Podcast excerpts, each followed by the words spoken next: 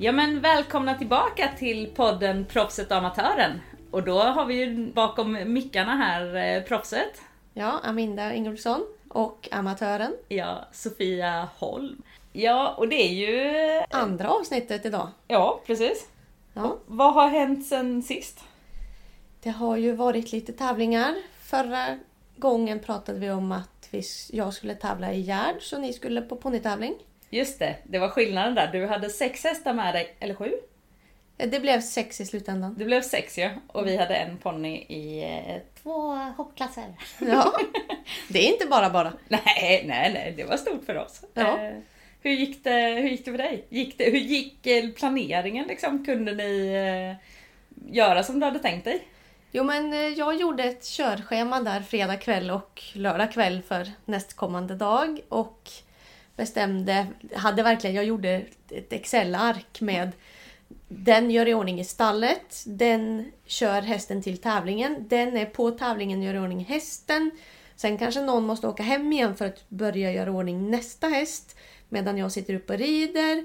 Och så höll vi på, alltså det var, det blev ett Excel-ark av det. Ja, ja, för ni får inte med alla hästar dit på en gång. Nej. Jag har ju bara... Vi körde ju släpp. Ja. Så två hästar då. Ja, Ehm, sen bor vi ju väldigt nära. Ja, så det är ju ganska smidigt. Det tar fem minuter att köra. Men det krävs ju lite folk. Mm. Och så vill man ju kanske ha... De jobbiga hästarna kanske man behöver vara två på. Mm. De snälla kan man ju kanske vara själv. Men det ska ju broddas och det Mm. ska sadlas och det ska köras och det ska borstas. Och... Sen måste någon göra stallet också. och kanske hinna dricka lite någonstans. Kissa någon gång kanske? Ja men det, det var så pass fullt upp så att det svettades nog ut istället skulle jag säga. det blev inte ett enda toabesök på hela dagen. Ja, men jag hann faktiskt sätta mig ner och äta lite. Och, jo, men det, för min del var det faktiskt inte så hektiskt. Nej. Det var nästan värre för de som kom med hästarna. Ja, precis. Ehm, sen hade jag ju tur för det var ju två hästar som kom med sina ägare. Ja. Så att vi hade fyra hästar från stallet och två som kom externt. så Ah, då hade ja. Mm. vi två hästar från stallet och så åkte de hem igen. Då red jag den första utifrån. Sen kom nä- nästa två Mm. och sen ja. Så att det, det flöt på ganska bra faktiskt. Mm. Ehm, ja men det var roligt och eh, lite placeringar blev det också. Ja. Ehm, en vinst, två, tre placeringar kanske. Ja. Något briderskval. ja. Ehm, en fyraåring som jag inte har ridit så mycket. Som faktiskt kvalade där. Ja. Ja, ja, men så det var en, en rolig helg. Ja. Hur mådde du på måndagen? Eh, Jag tog det ganska lugnt på måndagen. Som tur var så hade ju väldigt många hästar tävlat så att de kunde vila då. Ja, precis. Det var lugnt i stallet också. Liksom. Ja, precis. Ja. Men eh, hur gick det för er då? På Ja, ja men det gick bra. De var, de var så duktiga och modiga. Och, ja, nej, de var jätteduktiga. Jag kommer faktiskt inte ihåg vad de fick för resultat längre. Ett, ja, nej, jag minns inte. Typ noll eller fyra fel eller någonting sånt. Ja. Men de var jätteduktiga. Och de är så gulliga. Ponnyn är så himla snäll och söt. Så ja, det var en fröjd. Mm, var det första tävlingen? Ja, det var första tävlingen. Hon har ju hunnit göra en tävling till sen dess också. Ja, hur gick det då? Jo men också bra, då nollade hon lättén och 0 plus 4 fel i omhoppningen på Ja. lättén. Ja, Så de har varit så duktiga. och hon kände också, hon har ju varit eh, väldigt nervös när hon har ridit innan. Så första klassen har hon haft så mycket gelé i benen så hon har liksom knappt kunnat rida. Och sen så i sista tävlingen nu då, då kunde hon rida från start. Mm. Att benen kändes liksom okej. Ja, det där har jag också haft problem med. Att benen, det, det är bara som två geléklumpar som inte fungerar. Ja, Det, det är jättejobbig känsla. För det, alltså, det är så svårt att göra någonting. Ja, och vad ska man... Det är ju lite det ridningen hänger på. Benen ja. Ja.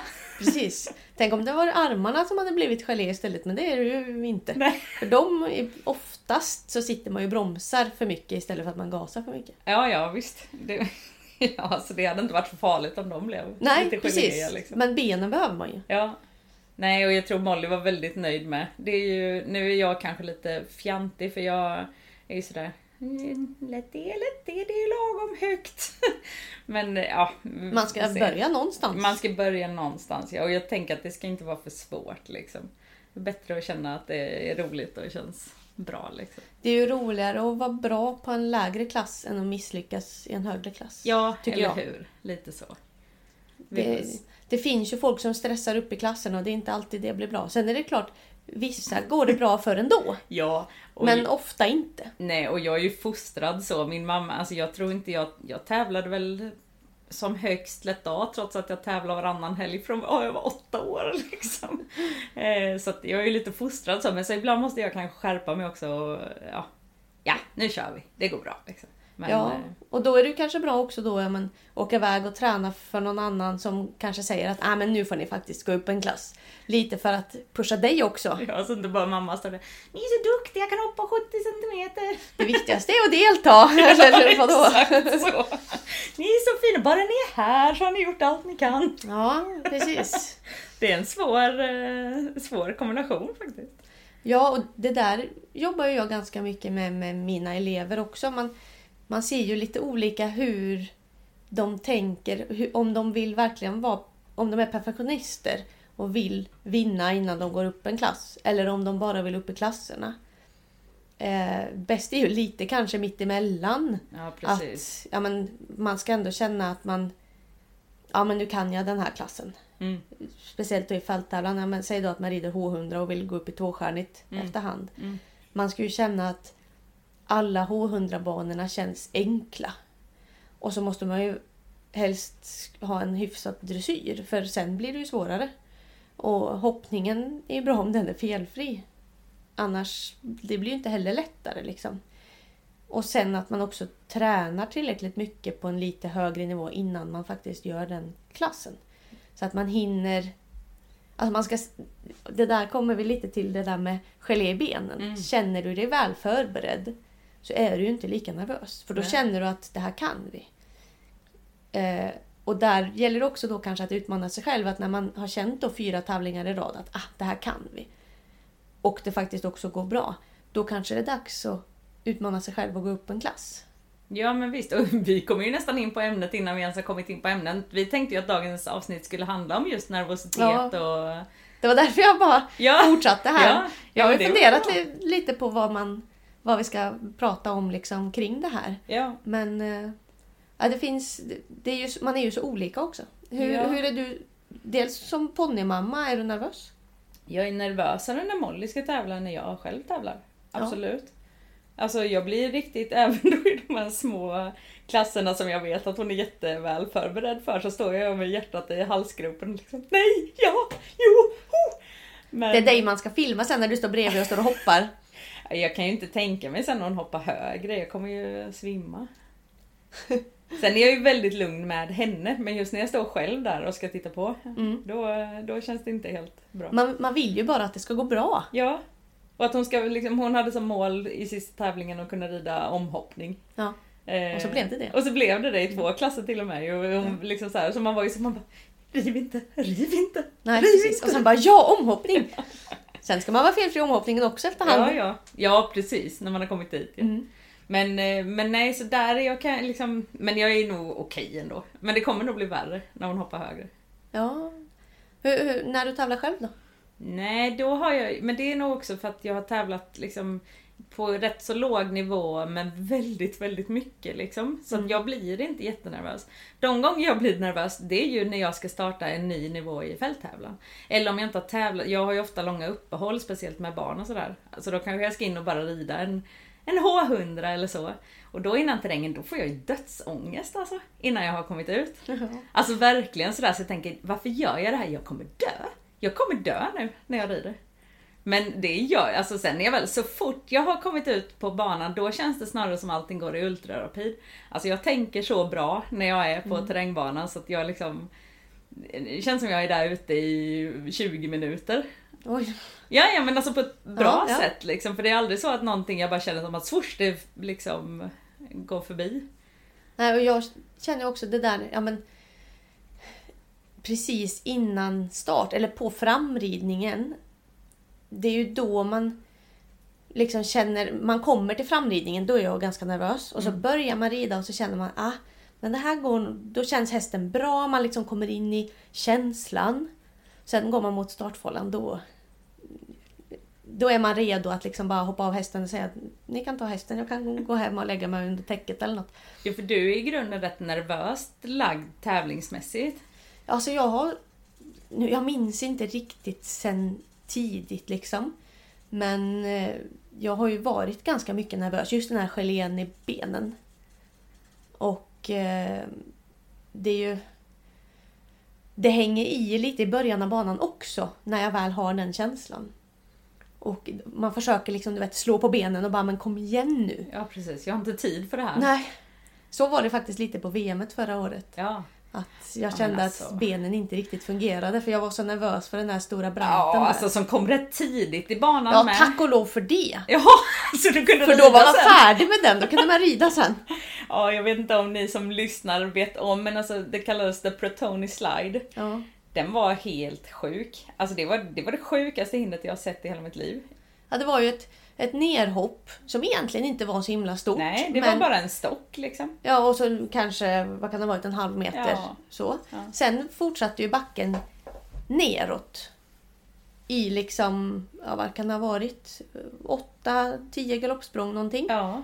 Rakt Ganska ner. så brant ner. Det var inte ganska så brant, det var svinbrant. Okej då.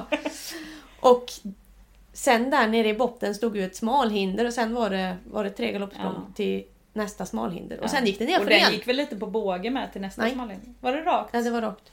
Och sen mellan de två smalhindren var det ju ganska platt. Men sen gick det neråt lite igen.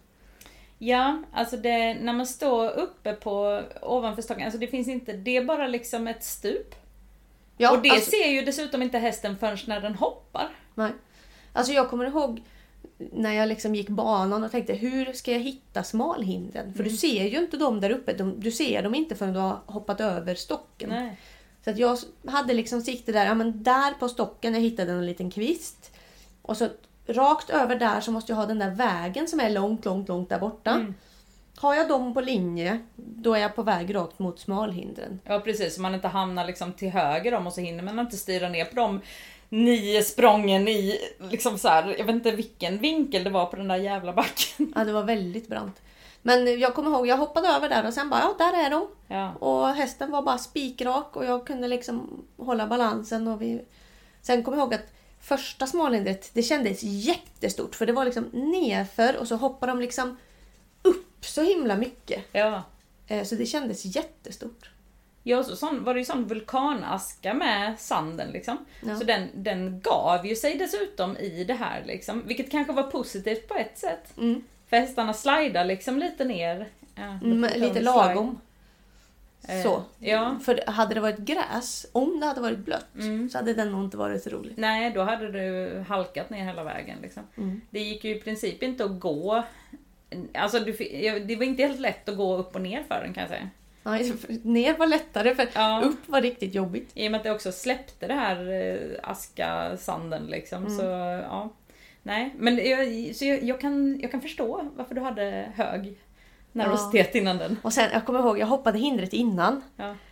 Och så var det liksom, ah, det var en trippelbarr och jag fick lite dåligt språng och så var det, skulle man svänga höger mot det här nerhoppet och jag tänkte, ska jag verkligen göra det här?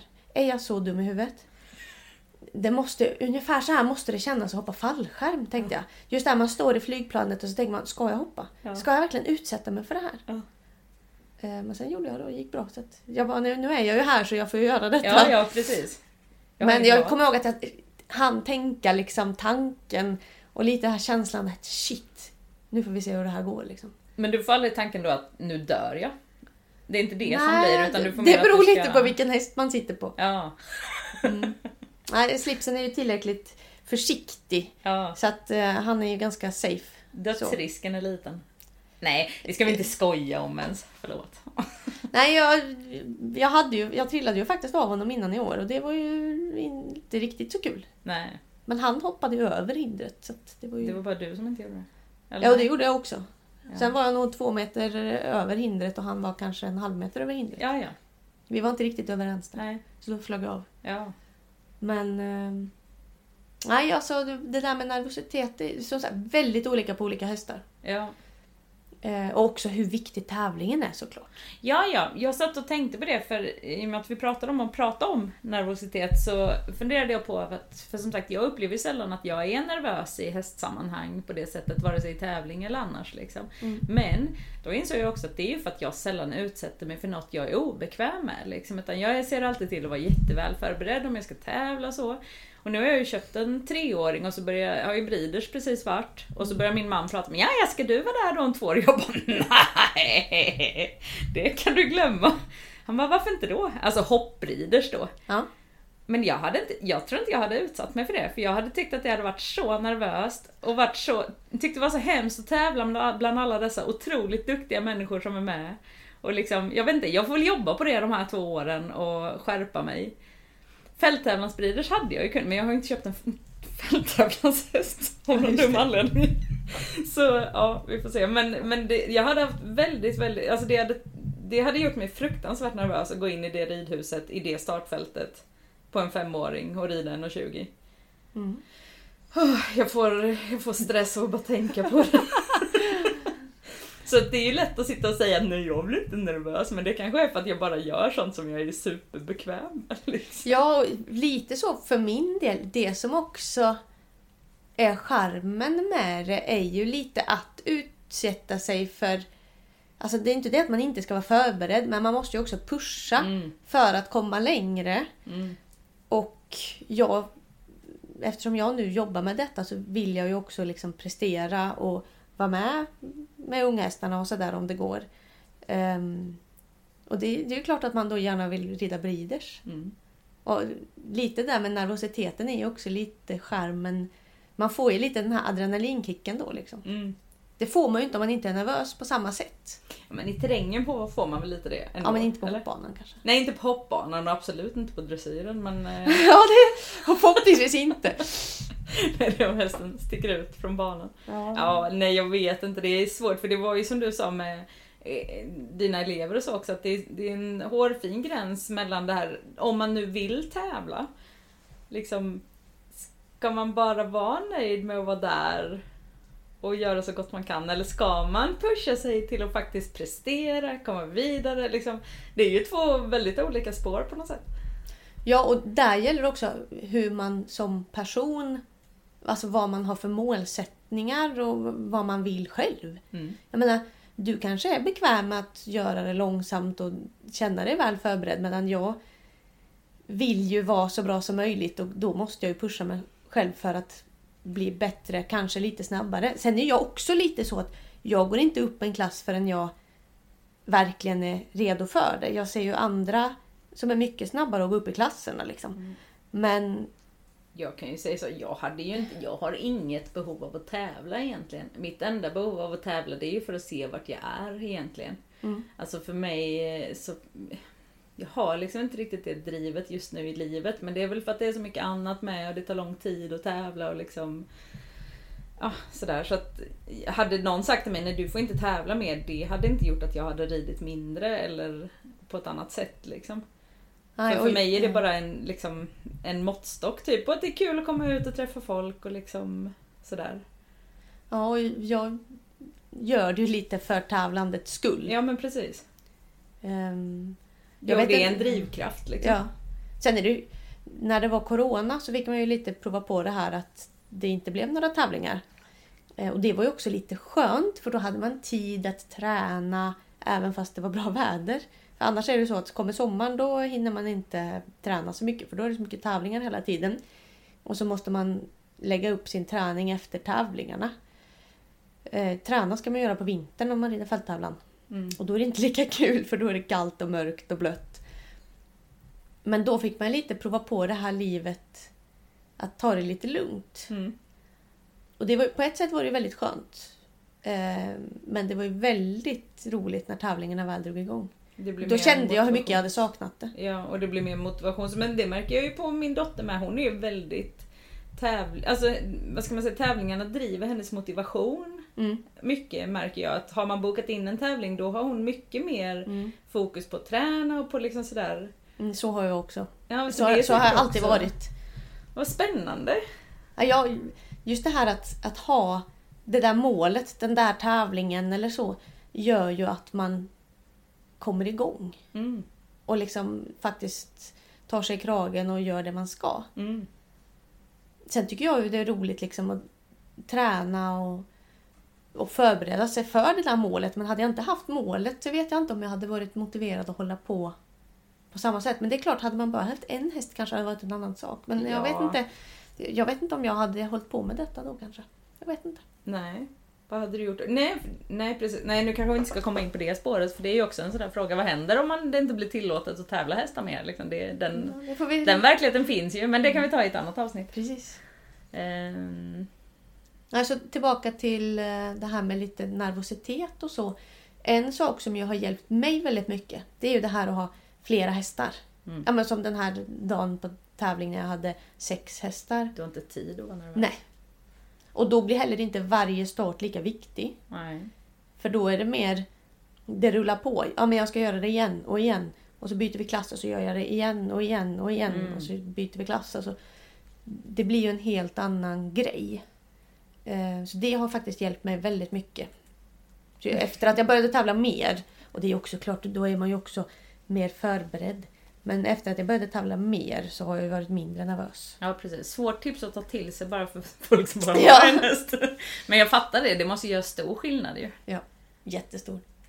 Ehm, Så att, det- ja. Det blir lite avdramatiserat allting liksom. Sen är ju nackdelen så fort du har ett mästerskap eller så, då har du bara en. Ja precis, då är du tillbaka på... Och så mycket väntetid också. Det måste ju också dra upp nervositeten mycket va?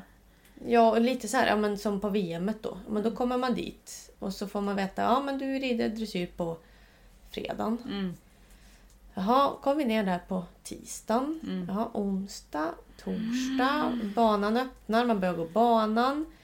Det är ju ändå fördelen med Faltaran, man har en terrängbana att gå. Mm.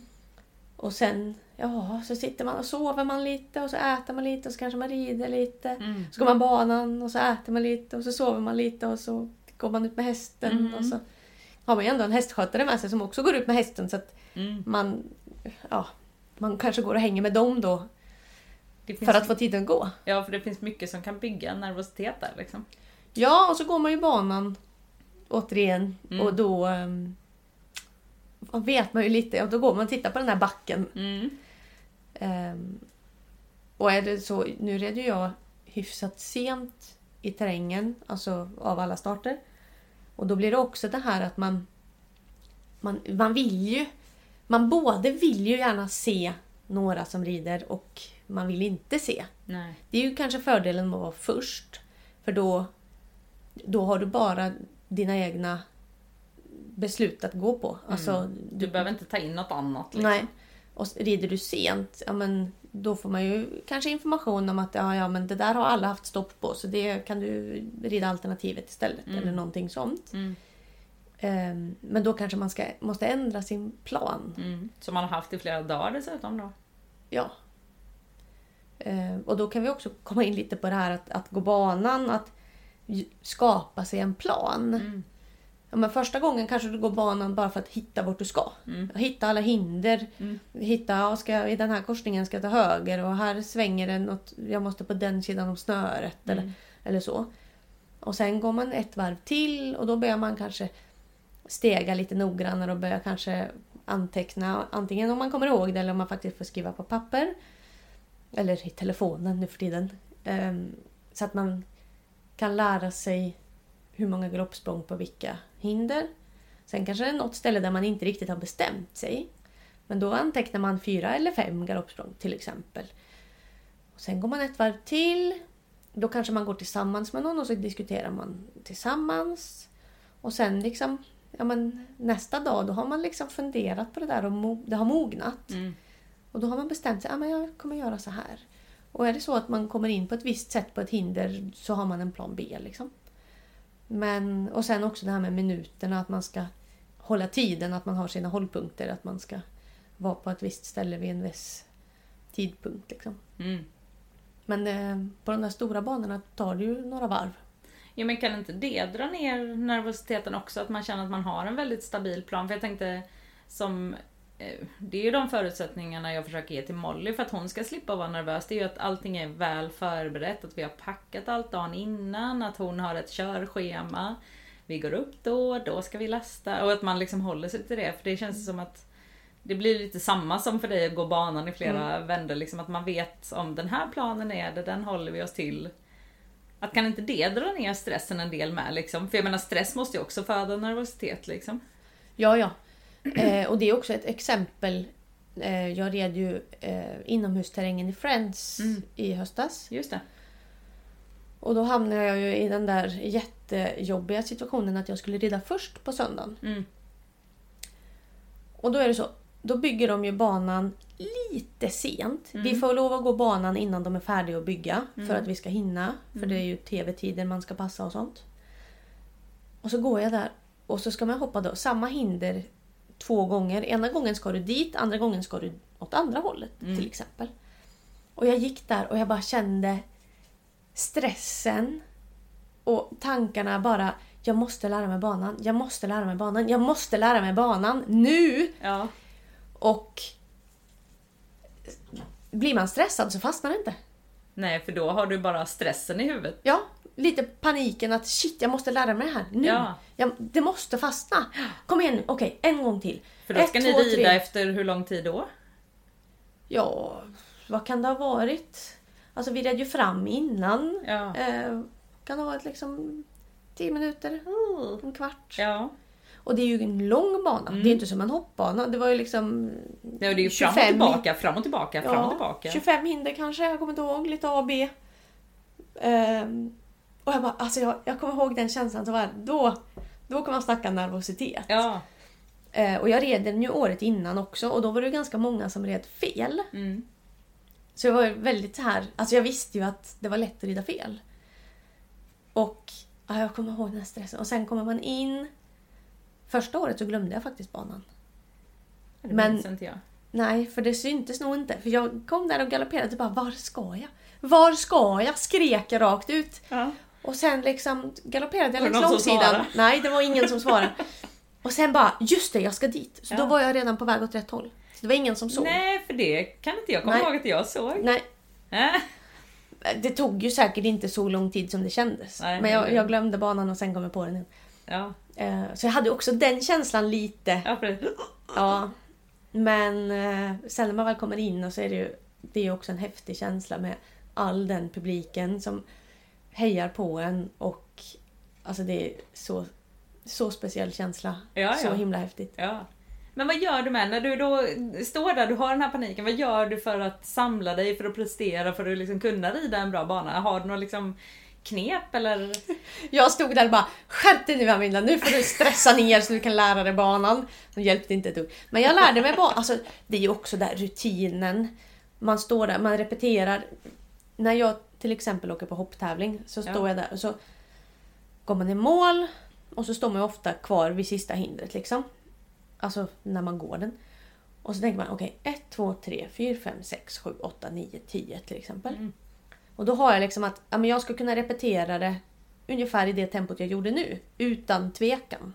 Jag ska inte liksom 1, 2, 3, 4, 5, 6, 7. Utan jag ska bara kunna rabbla dem. Ja, och sen går jag mot utgången. Kanske halvvägs mot utgången. Sen vänder jag mig om. Då står jag ju på ett annat ställe. Ser hindren lite annorlunda. Repeterar en gång till. Går kanske ut, upp på läktaren. Ser hindren från en annan vinkel. Repeterar en gång till. Sen kan jag gå. Ja, precis. Så att jag inte bara repeterar det från samma ställe utan jag flyttar på mig. Mm. Eh, och har man tid så kan man också titta på några. Och så kan man liksom, ja nu ska den dit, nu ska den dit, nu ska den dit. Och då blir det också lite Ja, det du tempot. förekommer dem liksom. Ja, och då blir det lite det tempot jag kommer göra Mm. sen. Mm. Eh, men eh, ja, nu var jag ju först där i Friends så då blev det inga, ingen att titta på. Nej, precis. Men jag kommer ihåg den. Ja. ja, ja herregud. Nej, nej, alltså när man, jag tycker när man tittar på dem så tänker man att hur fanken går det till? För det är ju verkligen fullt ös och det, det svänger och det svänger och det svänger och det svänger. Mm. Och det är lite, jag vet inte vad ni rider för tempo där. Ja, valfritt. Ja, men det blir ju högt. Det syns ju att det är ju rätt så högt tempo från start till mål, så det är ju högre tempo än vanlig banhoppning. Alltså liksom. nu var det nog så att det är ju två faser och första fasen fick du rida vilket tempo du ville. Mm. Du ska bara ta det runt. Och så får du straff om du river flaggor och sånt och det blir ju till sekunder. Mm. Och sen omhoppningen, då är det snabbast vinner. Mm. Eh, så det var ju lite skönt, då hann man komma in lite i det först. Ja, precis. Fortsatte man eh, lite snabbare sen. Ja. Men jag tänker med, det finns ju liksom nervositet och stress, det finns ju i andra situationer än bara till tävling. Liksom jag tänker att för vissa kan det vara nervositeten att liksom hoppa en viss höjd eller nervositet att ta sig upp på hästen. Liksom, jag tänker att det finns så många fler bitar av det. Liksom. Mm. Att... ehm, ehm, Jo men och lite det där som vi pratade om innan med comfort zone. Mm. Alltså man måste också våga utmana sig. Och ja, men, om du nu säger att du är rädd för att sitta upp på hästen. Ja men det kanske räcker med att du sitter upp och sen kan du hoppa av igen. mm, Man behöver ju inte göra mer. Sen när du då har gjort det några gånger. Ja men då kanske du kan hoppa upp och faktiskt sitta kvar. mm. Och kanske till och med ta några steg och sen hoppa av igen. Ja, precis. Men att man hela tiden... Om man bara gör det man är bekväm med, Mm. då blir ju den där comfort zonen mycket mindre. Man måste ju hela tiden pusha den utåt så att den blir större. Eh, och det är ju samma med att ja, hoppträna. Att ja, men, våga höja hindren ett hål till. Eh, kanske låta bli att ta den där halvhalten som man egentligen vill ta för att man har lite kontrollbehov. Våga hoppa den där oxen ur sväng. Ja, eller Trots den, att där, den ser enorm ut. ja, eller den där kombinationen eller vad det nu kan vara. Ja. Och att ja, men, kombinationer till exempel, att man, ja, men då får man börja lågt. Ja. Och sen får man ju efterhand höja. Och har man då en häst som kanske inte riktigt når fram, ja men då kan man göra den lite kortare. Mm. Sen kan man länga den efterhand istället för att då höja den. Så Mm. länger man den tills man har tävlingsavstånd. Ja, eller som nu Mollys ponny när hon skulle kratsa i ena bakhoven så viftade hon till och råkade kicka till henne på benet. Så hon Ja. fick världens blåmärke. Och sen dagen efter så var hon sån, nej mamma kan inte du kratsa bakhovarna liksom? Så jaha, vad hände liksom? Mm. Och så visade hon blåmärket och sådär. Bara, nej jag, jag tycker det känns jättenervöst liksom.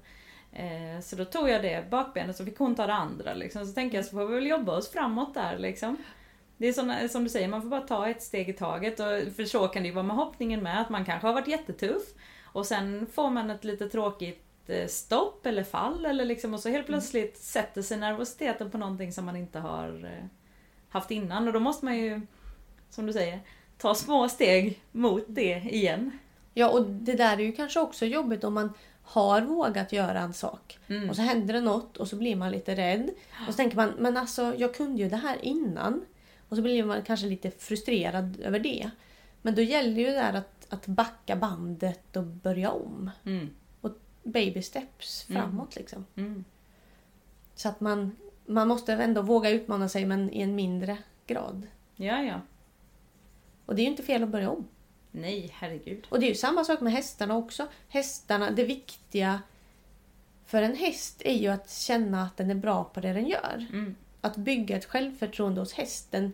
Det är ju det vi gör hela tiden. Att hästen ska känna sig säker på att det vi ber den om blir rätt och att den känner att den kan och vågar och tycker att det är lite kul. Ja, ja. Och då får man ibland, om det händer något, alltså det räcker med att man kommer fel på något hinder eller något, då kanske man får sänka igen och backa bandet. Och inte, oh jag ska över, om nu hästen faktiskt har tappat självförtroendet. För det kan ju de också göra. Ja, ja. Ja, definitivt. Mm. Jo, det är ju faktiskt du. Jag har inte ens tänkt på så. Men jo, det är ju dubbelt egentligen ju. Ja, ja. Så det är ju inte alltid bara, häst, alltså bara ryttaren, utan det kan ju vara hästen också. Eller bara den ena eller bara den andra. Men det är ju faktiskt inte alltid bara ryttaren. Nej, Nej och det, det, får, det kan man ju också faktiskt ta med i spelet att jag upplever att vissa hästar blir också väldigt tävlingsnervösa. Inte alla, men vissa börjar ju redan så fort de märker att man har satt på släpet så börjar de att steppa i gången. Liksom, Ja, och kanske och, bajsar 21 gånger. Ja, ja. Och då, sen är ju frågan, är det för att vi människor beter oss annorlunda? Eller är det för att den känner igen och nu blir den, den kanske både blir, det blir en kombination av taggad och stressad liksom. Mm. Eh, Eller som sagt, är det bara för att man som människa går runt där med lite adrenalinpåslag och lite fjärilar i magen?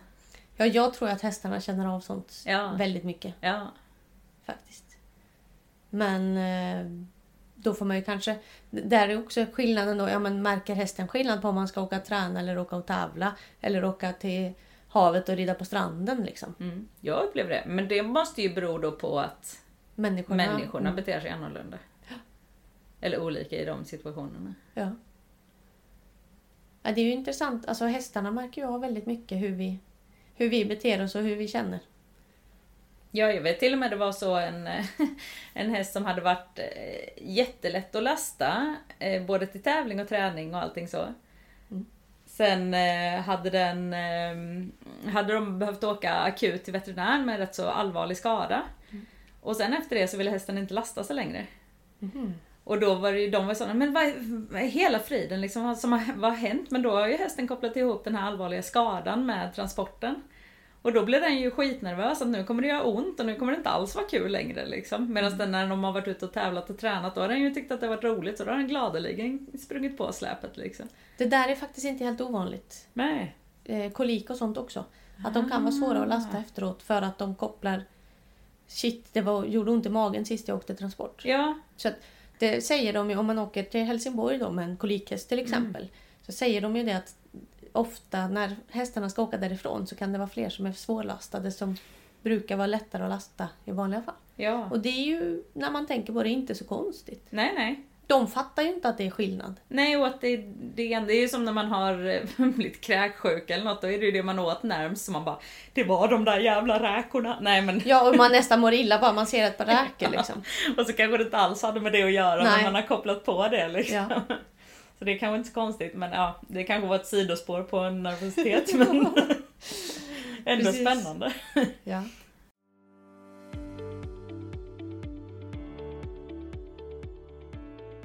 Men om vi ska ta och sammanfatta lite vad vi har kommit fram till nu. Så i grunden kan man väl känna också att det är ju stor skillnad på nervositet och att inte vara förberedd. Att liksom, nervositet är ju någonting som man kanske inte alltid ska lyssna på.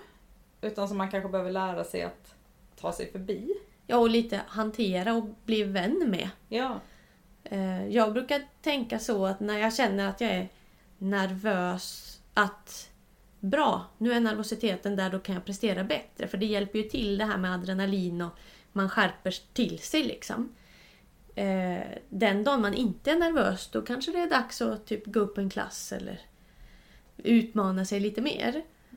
Men när, om man är väldigt nervös då kanske man behöver gå ner en klass och känna att ja, men det här är enkelt. Och sen kanske försöka igen. Eller att man faktiskt kan jobba lite med förberedelsen där. ja men precis. Och också som du pratade om att man gör ett körschema så man vet exakt vad som ska hända när. Mm. Vi kliver upp då, vi har packat allt dagen innan. Man har en packlista så man vet att man får med allt. Mm.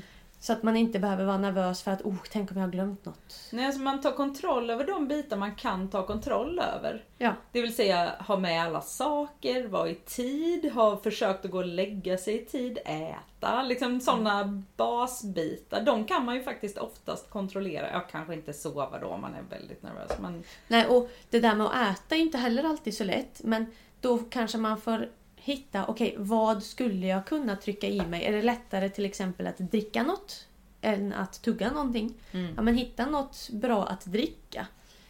Eh, man kan ju köpa sån här alltså, måltidsersättning eller något, bara så att man får i sig någonting. Mm. För det brukar ju vara lättare att, att dricka än att tugga på morgonen till exempel. Ja men precis. Och kanske också släppa på den här eh, kontrollbehovet för att det är ju även så att man kan prestera ibland även under stress. För ibland kan det vara situationer du inte kan styra över.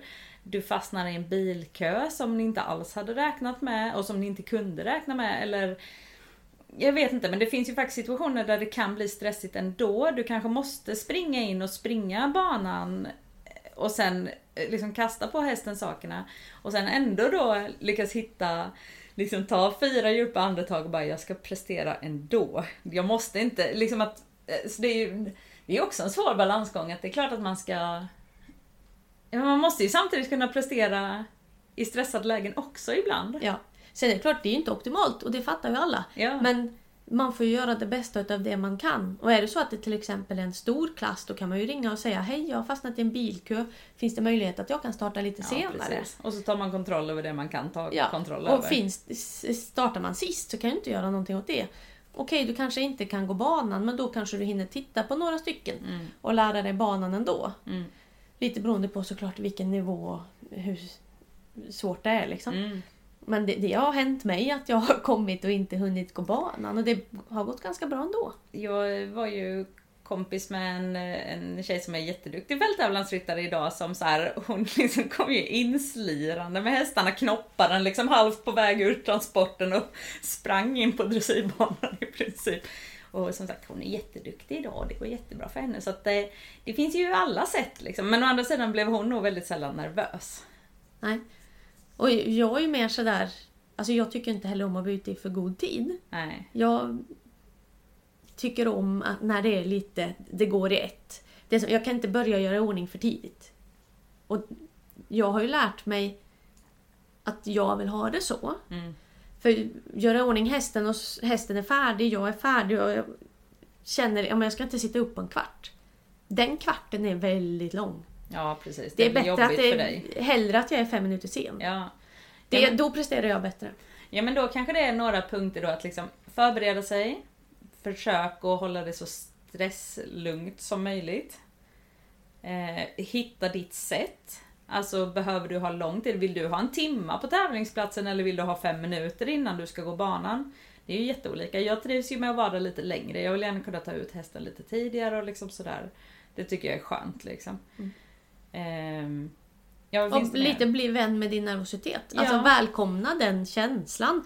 För nervositet inte, behöver inte vara dåligt. Nej och att det är som du säger, verkligen, liksom, du är inte den som bestämmer över mig heller liksom. Utan eh, du, var med, häng med då. Ja, Men eh, nu gör- nu gör vi det här ändå. Ja, tillsammans, jag och nervositeten.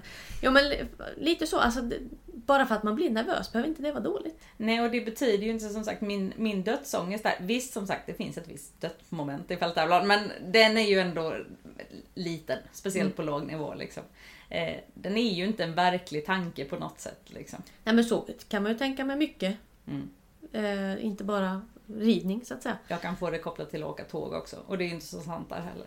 Nej, det händer inte så ofta som tur är. Nej. Ja. Nej. Ja men ja, vad tycker du? Har vi sammanfattat nog? Tycker jag. Vi kan ju ta, röra vid det här någon annan gång också om det behövs. Vi lär nog eh, beröra det igen ja, misstänker säkert. Det är ju en rätt stor del av hästlivet. Ja, någonstans. framförallt av tävlingslivet och lite... Ja, det är för sig...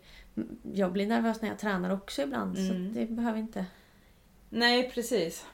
Det blir en lite prestationsångest, nervositet där liksom. Men det är också bra för då får man träna på att rida även fast man är nervös. Ja. Så är man nervös på träning så är det ganska bra för då blir det kanske... Hästen känner igen dig som ryttare även på Mm. tävling. sen. Mm. Ja men precis. Ja men jag tänker med för när vi startade så pratade du lite om att du hade kvalat en häst till Briders. Vad, vad var det för häst och vad hände och hur gick Briders? Det var ju nu för någon vecka sedan i fälttävlan. Ja, eh, jag hade ju då en fyraåring som kvalade eh, på förra tävlingen där. Och eh, det är en häst som jag rider åt en eh, elev. Och den var lite vild på framridningen så jag tänkte oj oj vi får se hur det här går. Men sen gick den in och faktiskt visade upp sig och var så himla duktig så han kom faktiskt tre. Ja, vad kul. Så vi fick pris så det var väldigt roligt. Hur går fyraåringarnas till nu?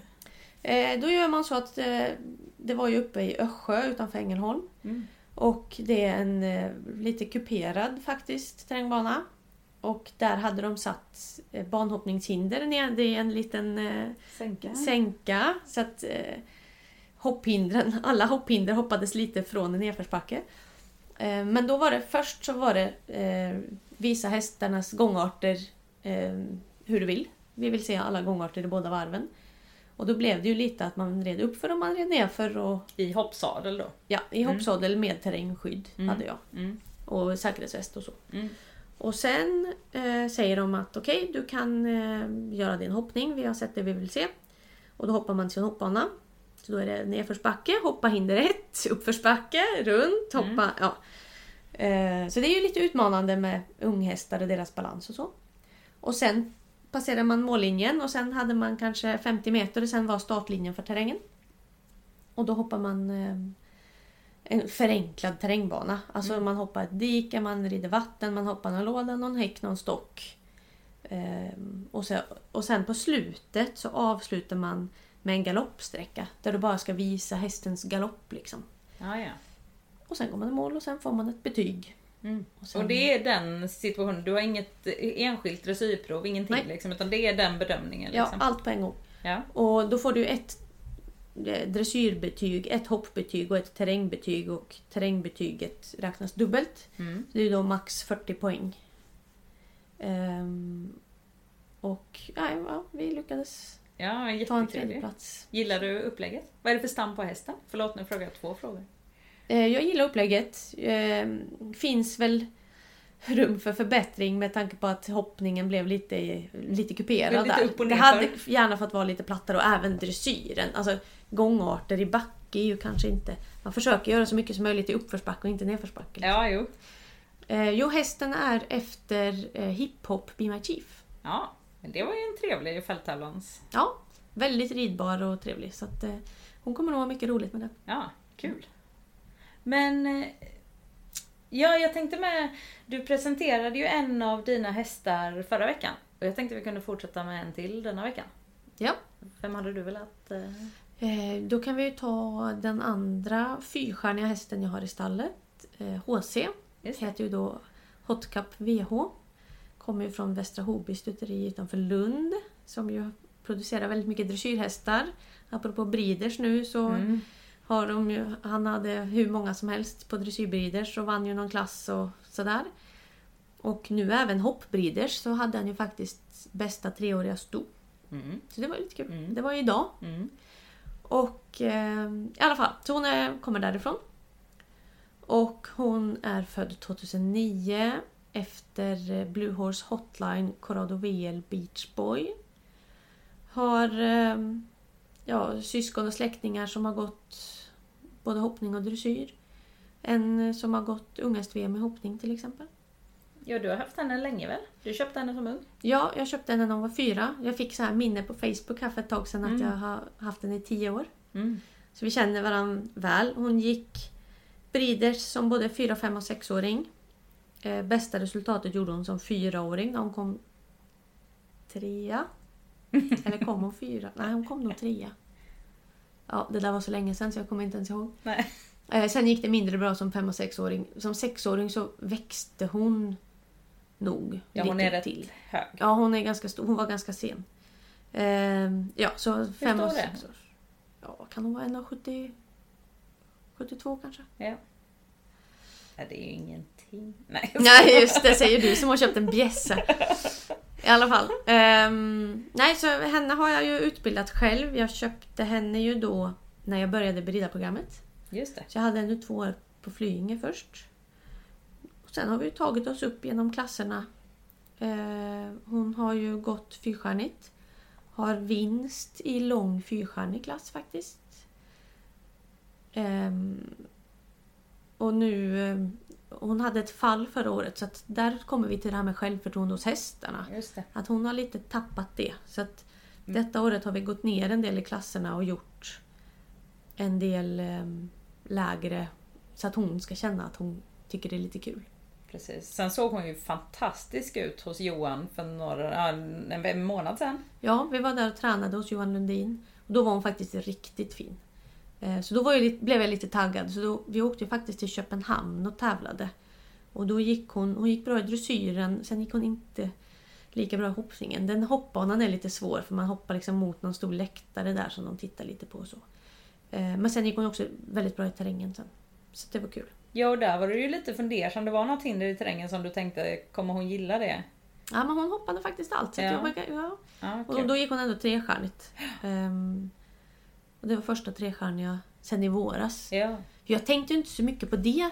För det där fallet var ju på slutet av säsongen Mm. förra året. Mm. Sen gick ju hon då Friends. Men det är ju inte riktigt samma sak. Nej.